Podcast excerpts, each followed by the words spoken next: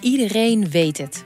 Ongeluk plan je niet, het overkomt je. Toen heb ik een hele tijd weer moeten revalideren voordat ik zelf weer kon lopen. Ja, als je van tevoren had geweten, ja, dan weet ik niet of we er überhaupt aan waren uh, begonnen. Hoe zorg je voor jezelf als het leven tegenzit?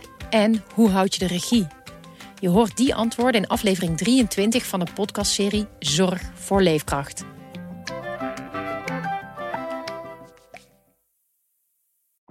In december 2020 wordt het dorpje Halsteren opgeschrikt door een plotseling overlijden. Dat was echt een donderslag bij heldere hemel. De dood van geliefd supermarktondernemer Chris Ginwis. Chris is dood. Ik zeg, Chris is dood. Ah, joh, dat kan niet. Al snel vinden mensen in het dorp en de politie de omstandigheden verdacht. Ze denken dat Chris vergiftigd is door zijn kerstverse vriendin Yvonne K. Als de politie gelijk heeft, althans wat zij denken dat er is gebeurd, dan heeft hij wel zeg maar uh, de duivel binnengehaald. Ze zou uit zijn op zijn erfenis. Als het klopt, hè? dan uh, ja, een engel des doods. Maar het politieonderzoek heeft een valse start. En Yvonne ontkent in alle toonaarden.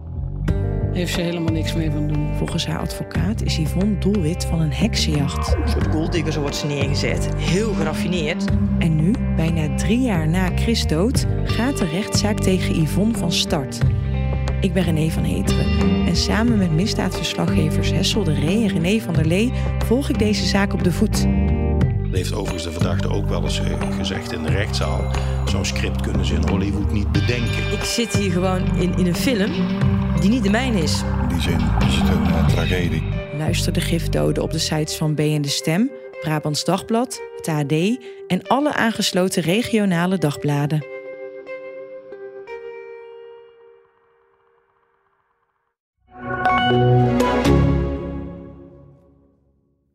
Het zijn twee opmerkelijke YouTube-filmpjes.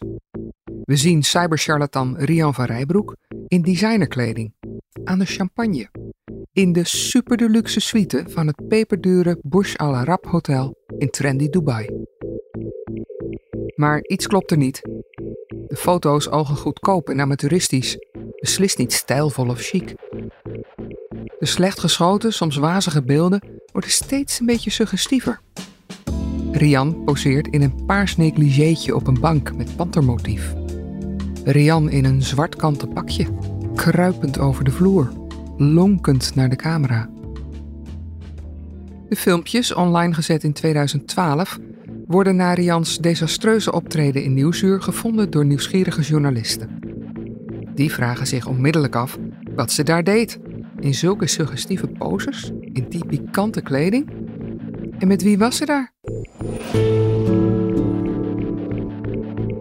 Dit is aflevering 2 van In de Ban van Rian, een podcast van Tubantia, het AD en de regionale dagbladen. Mijn naam is Angelique Kunst en ik ben onderzoeksjournalist.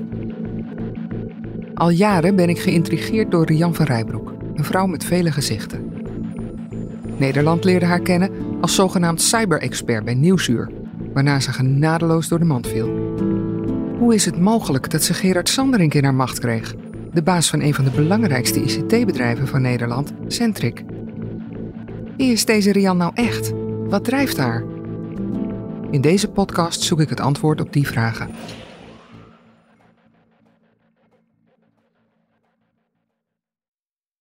Oké, terug naar 2018.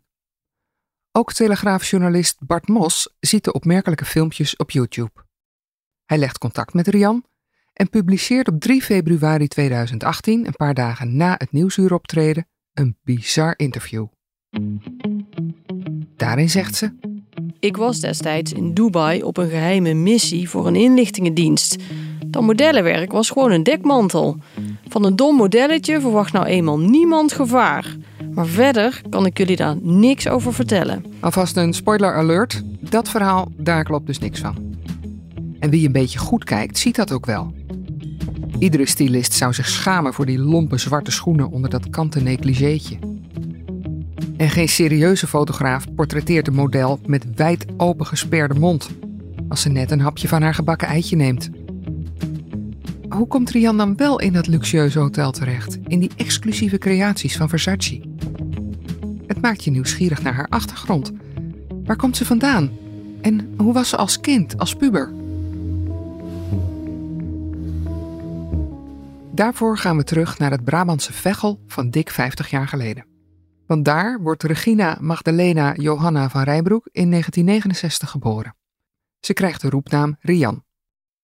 Haar vader is magazijnmeester, haar moeder huisvrouw. Ze heeft drie broers en een zus. Een doodnormaal gezin dus, uit een eenvoudige buurt. Rian heeft ook een heel gewone jeugd, al heeft ze het op school niet makkelijk.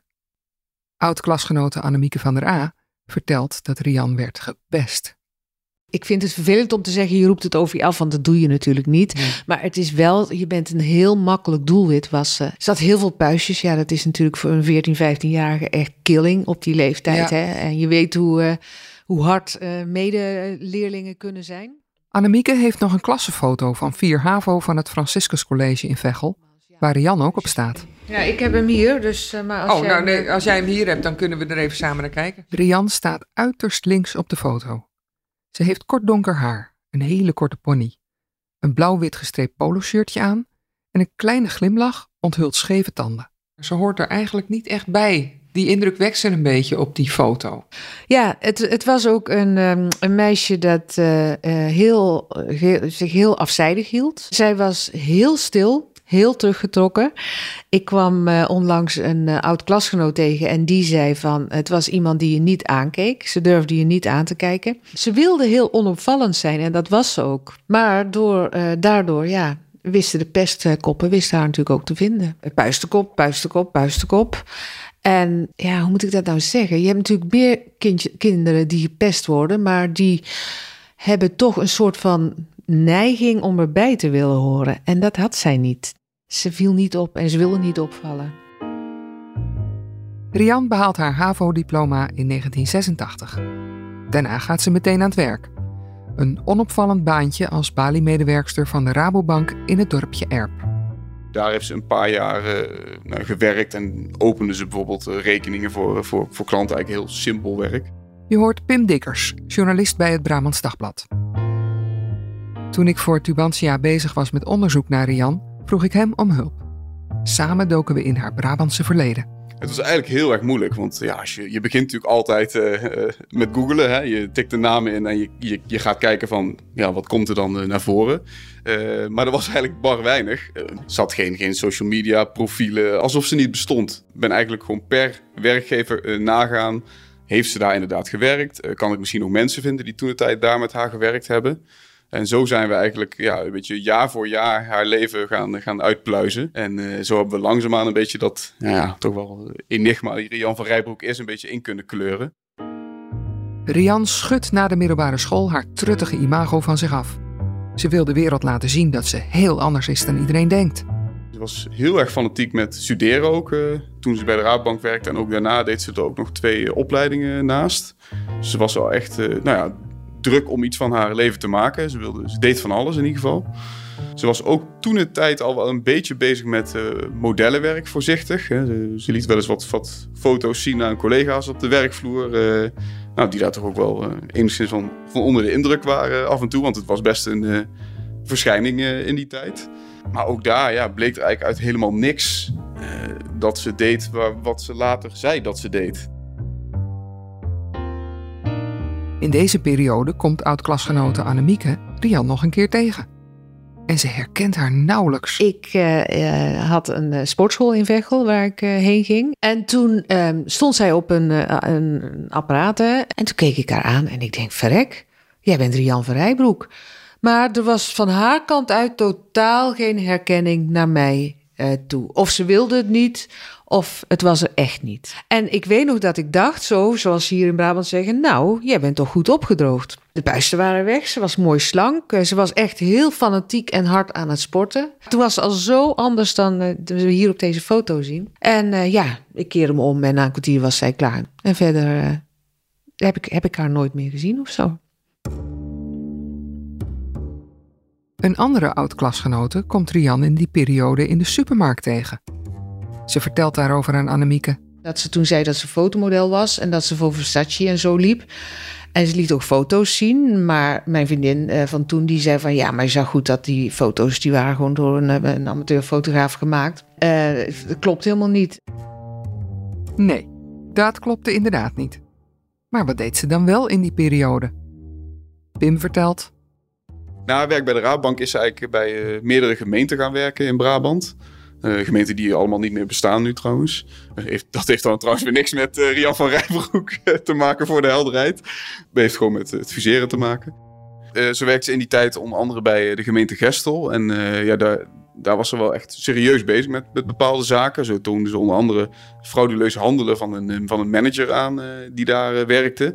In haar cv eiste ze dat succes helemaal voor zichzelf op. Maar collega's uit die tijd die zeggen toch wel dat het, dat het, klopt dat ze daar een rol in had, maar dat het wel meer het werk was van meerdere mensen dan dat het puur en alleen haar eigen werk was. Maar dat deed ze heel erg grondig. Ging ze echt met de stofkam door de boeken heen. Ze was heel erg vasthoudend om nou ja, om dat aan het licht te krijgen. Het viel me sowieso wel op dat de mensen die uh, van, van, enkele gemeenten waar ze werkten, maar die waren eigenlijk ook wel heel erg enthousiast van. Die hadden het ook meteen over ons Rian en uh, die fleurde bijna een beetje op toen, toen ik die naam uh, liet vallen. Van, oh ja, die tijd met Rian, dat was vrolijk en gezellig.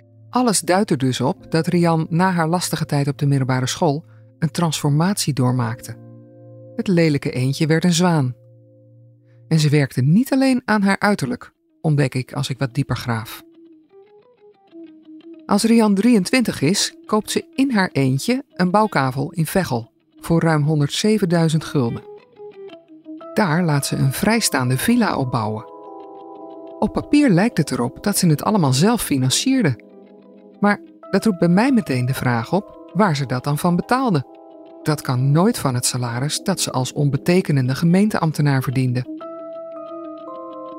Ik weet dat ze getrouwd is geweest met een jongen uit een welgesteld gezin maar die komt in de stukken niet voor.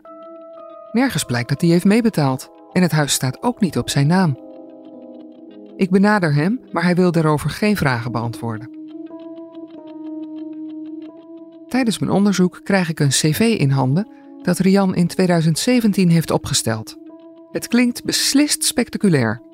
Want volgens dat cv begon ze al op haar 21ste met het ontwikkelen, produceren en uitgeven van software in opdracht van buitenlandse overheden en geheime diensten.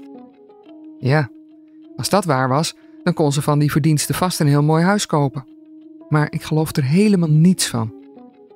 En volgens de mensen die haar uit die tijd kennen, is het een onwaarschijnlijk verhaal. Dat is toch iets wat de toenmalig directeur van de, van de Rabobank uh, zich uh, nou, eigenlijk niet voor kon stellen. Van dat iets wat timide meisje dat uh, bij hem achter de balie zat een paar keer per week.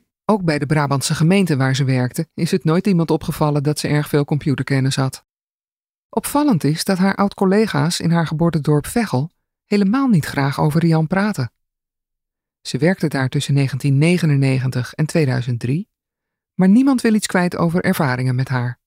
Nou, soms had ik wel bijna het gevoel alsof het afgesproken werk was. Als je daar oud-collega's van sprak, heel erg snel geïrriteerd als je die naam liet vallen echt, echt heel erg uh, afhoudend van, uh, ik ken haar niet. Uh, maar denk, ja, als je haar niet kent, waarom moet je dan zo geïrriteerd reageren? Het kwam heel, heel raar op mij over. Dat mensen echt zoiets hadden van, ik wil helemaal niet met die mevrouw geassocieerd worden. Eind 2003 stapt ze over naar een nieuwe baas. Een middelbare school in Helmond, waar ze het uiteindelijk zelfs schopt tot hoofdondersteunende diensten. Haar baas is gek met haar, schrijft zelfs een bijzonder lovend verslag van een functioneringsgesprek. Maar ook deze directeur wil daar later niet aan herinnerd worden. Als ik hem in 2019 bel, roept hij dat hij er niets meer over wil zeggen. Hij verbreekt haastig de verbinding. Blijkbaar is het een gevoelig onderwerp. Ook al maakt ze heel snel promotie, de school in Helmond is niet Rians idee van een mooie carrière. Ze wil iets spannenders dan een saai bestaan als overheidsambtenaar. En dus richt ze in 2004 twee BV's op allebei bedrijven in financiële dienstverlening. Ze heeft immers twee boekhouddiploma's. En financiën, dat zit blijkbaar in de familie, want twee van haar broers zijn ook succesvol in die wereld. Dat wil Rian ook. En dus geeft ze haar twee BV's een toepasselijke naam: Mamomo, een afkorting voor Make More Money. Via deze bedrijven adviseert ze klanten over zaken als pensioenen, beleggingen en vermogensbeheer. Dat lijkt ze best goed te doen, want via mond-tot-mond reclame krijgt ze steeds meer klanten. Op een dag is ze met een van hen op zijn boerderijtje in Frankrijk. En daar ontmoet ze Frits, een welgestelde Brabantse ondernemer die ook een tweede huis in Frankrijk heeft. Frits is overigens niet zijn echte naam. Op zijn verzoek heb ik hem anders genoemd. Frits is begin 60 en weduwnaar. De verhalen van zijn vrienden maken hem nieuwsgierig. Zou Rian ook iets kunnen doen voor zijn pensioen? En zijn belangstelling is niet alleen financieel. Hij valt als een blok voor die kleine Brabantse, met haar speelse donkere krullen en haar grote blauwe ogen. Ze is vrij, want gescheiden van haar eerste man. Maar hoe kan hij het hart van deze jonge vrouw voor zich winnen? Hij is 25 jaar ouder. Hij heeft gezondheidsproblemen. Maar al gauw ontdekt Frits waar Jan gevoelig voor is. Het start met een zakelijk voorstel. Ze gaat bij hem aan de slag als administratief medewerkster vermogensbeheer. Slechts acht uurtjes in de maand voor maar liefst 200 euro per uur. En van daaruit bouwt hij het langzaam op. Hij verwendt haar met leuke cadeautjes. En die worden steeds groter. Hij neemt haar mee shoppen in de Amsterdamse PC Hoofdstraat en in Brussel. Ze mag zijn creditcard gebruiken. Ze shopt graag designerkleren. Ze gaat naar dure kappers, zoekt kostbare sieraden uit. En dan neemt hij haar ook mee op luxe vakanties naar de Côte d'Azur en Dubai. Stap voor stap wint hij haar hart.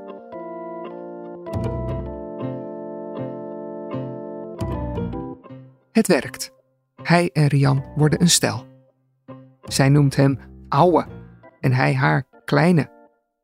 Hij schrijft onbeholpen liefdesgedichten voor haar. Rian, een dag waarop ik het weer eens zeggen mag. Het bekende zinnetje: Ik hou van jou, al vele jaren lang. Bij jou voel ik me vrolijk en blij.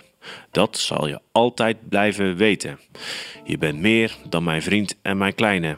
Want jij bent het beste in mijn hele leven. Je schoonheid is ongeëvenaard. Nog vele foto's zou en wil ik nog van je kunnen maken. Er is niemand zo lief als jij. Je ouwe. En de liefde lijkt wederzijds, als je Rians sms'jes mag geloven. Lieve ouwe, je mag niet vergeten dat ik van jou hou. Jouw kleine. Lieve ouwe, hoe gaat het? Doe voorzichtig. Als ik iets voor jou kan doen, bel me dan AUB. Mijn verlanglijstje: schilderij, oorbellen van Bulgari, een ring of oorbellen met rode robijn en natuurlijk gezellig uit eten met de ouwe en Linda. Computer is fantastisch. Liefs van je lovergirl. Ondanks Frits' zwakke gezondheid leiden ze een droomleven.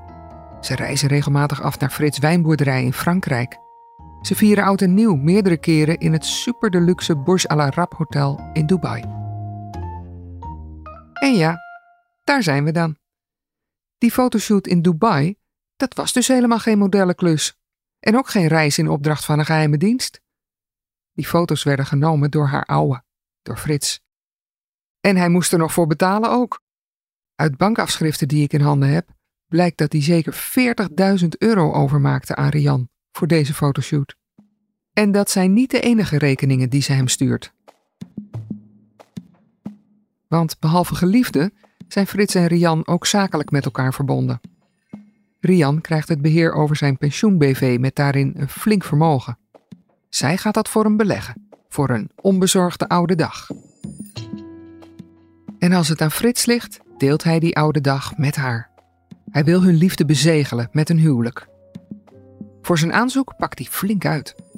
Tijdens een tripje naar de Côte d'Azur lokt hij haar mee naar een terrasje, waar ze samen aan de champagne gaan. En precies op dat moment vliegt er een vliegtuigje over met een banner erachter. Rian, wil je met me trouwen? En ze zegt: Niks. Geen ja en geen nee. Want ze wil eerst de financiële gevolgen doorrekenen. Daar doet ze lang over. Als ze een paar jaar later met haar uiteindelijke voorstel komt, klinkt het geweldig. Lange termijn, jaarlijks belastingvoordeel van plusminus 8000 netto, enorme besparing successierechten, zonder zorgen voor elkaar zorgen en samen oud worden. Frits vindt het prachtig, maar zijn notaris niet. Want Rian wil trouwen op huwelijkse voorwaarden, maar bij een scheiding wel de helft van het gezamenlijke vermogen krijgen. Dat is zeer ongebruikelijk, zegt de notaris.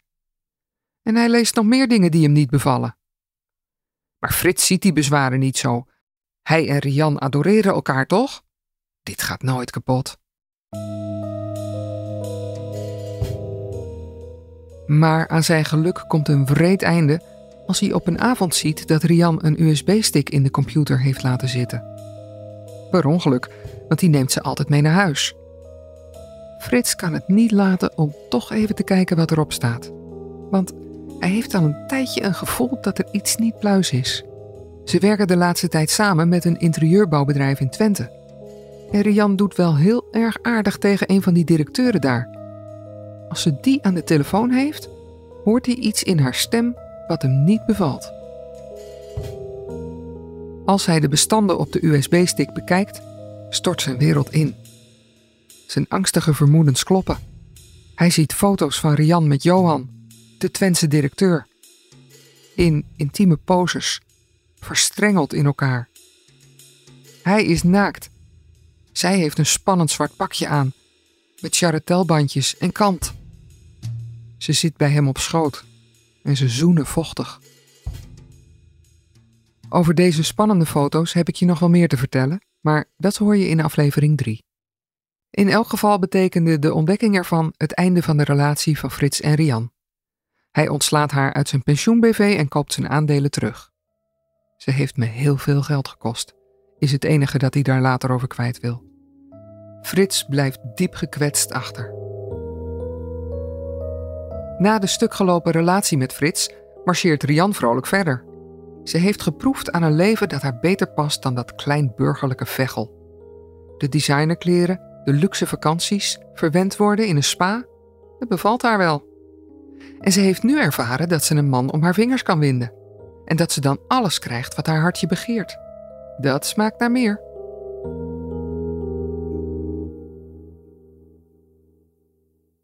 Nog even terug naar klasgenoot Annemieke.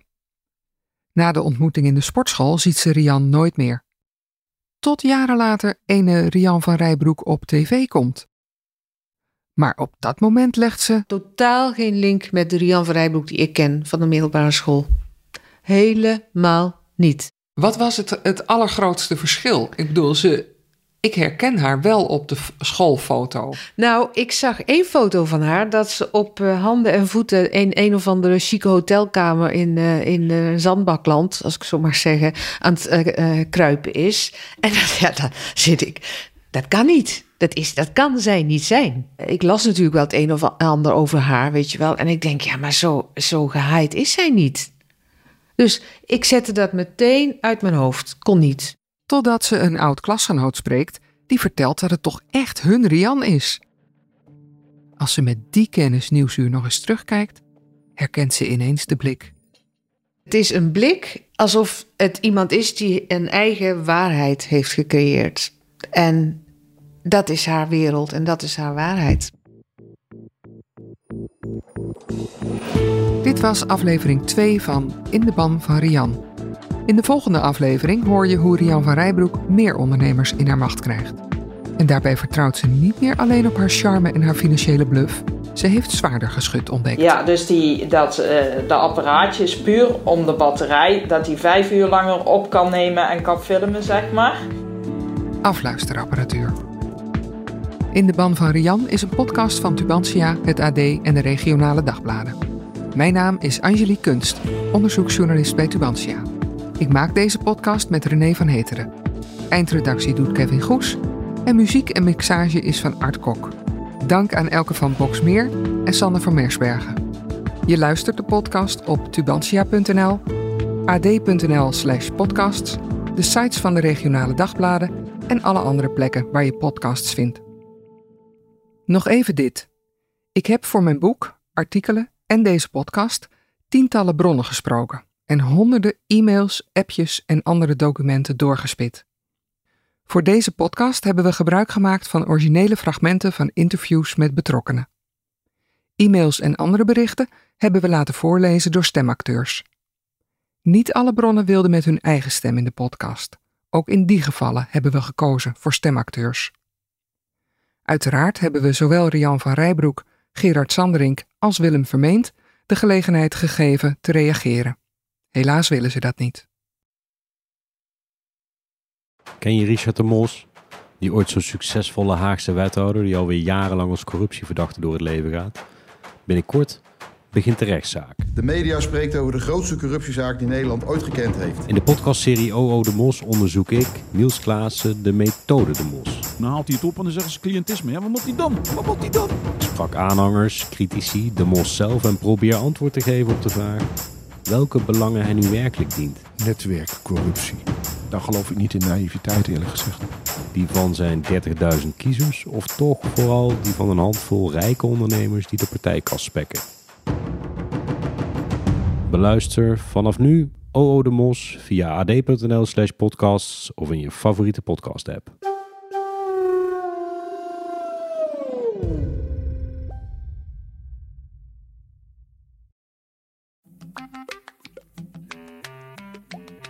Iedereen weet het. Ongeluk plan je niet, het overkomt je. Toen heb ik een hele tijd weer moeten revalideren voordat ik zelf weer kon lopen. Ja, als je van tevoren had geweten, ja, dan weet ik niet of we er überhaupt aan waren uh, begonnen. Hoe zorg je voor jezelf als het leven tegenzit? En hoe houd je de regie? Je hoort die antwoorden in aflevering 23 van de podcastserie Zorg voor Leefkracht.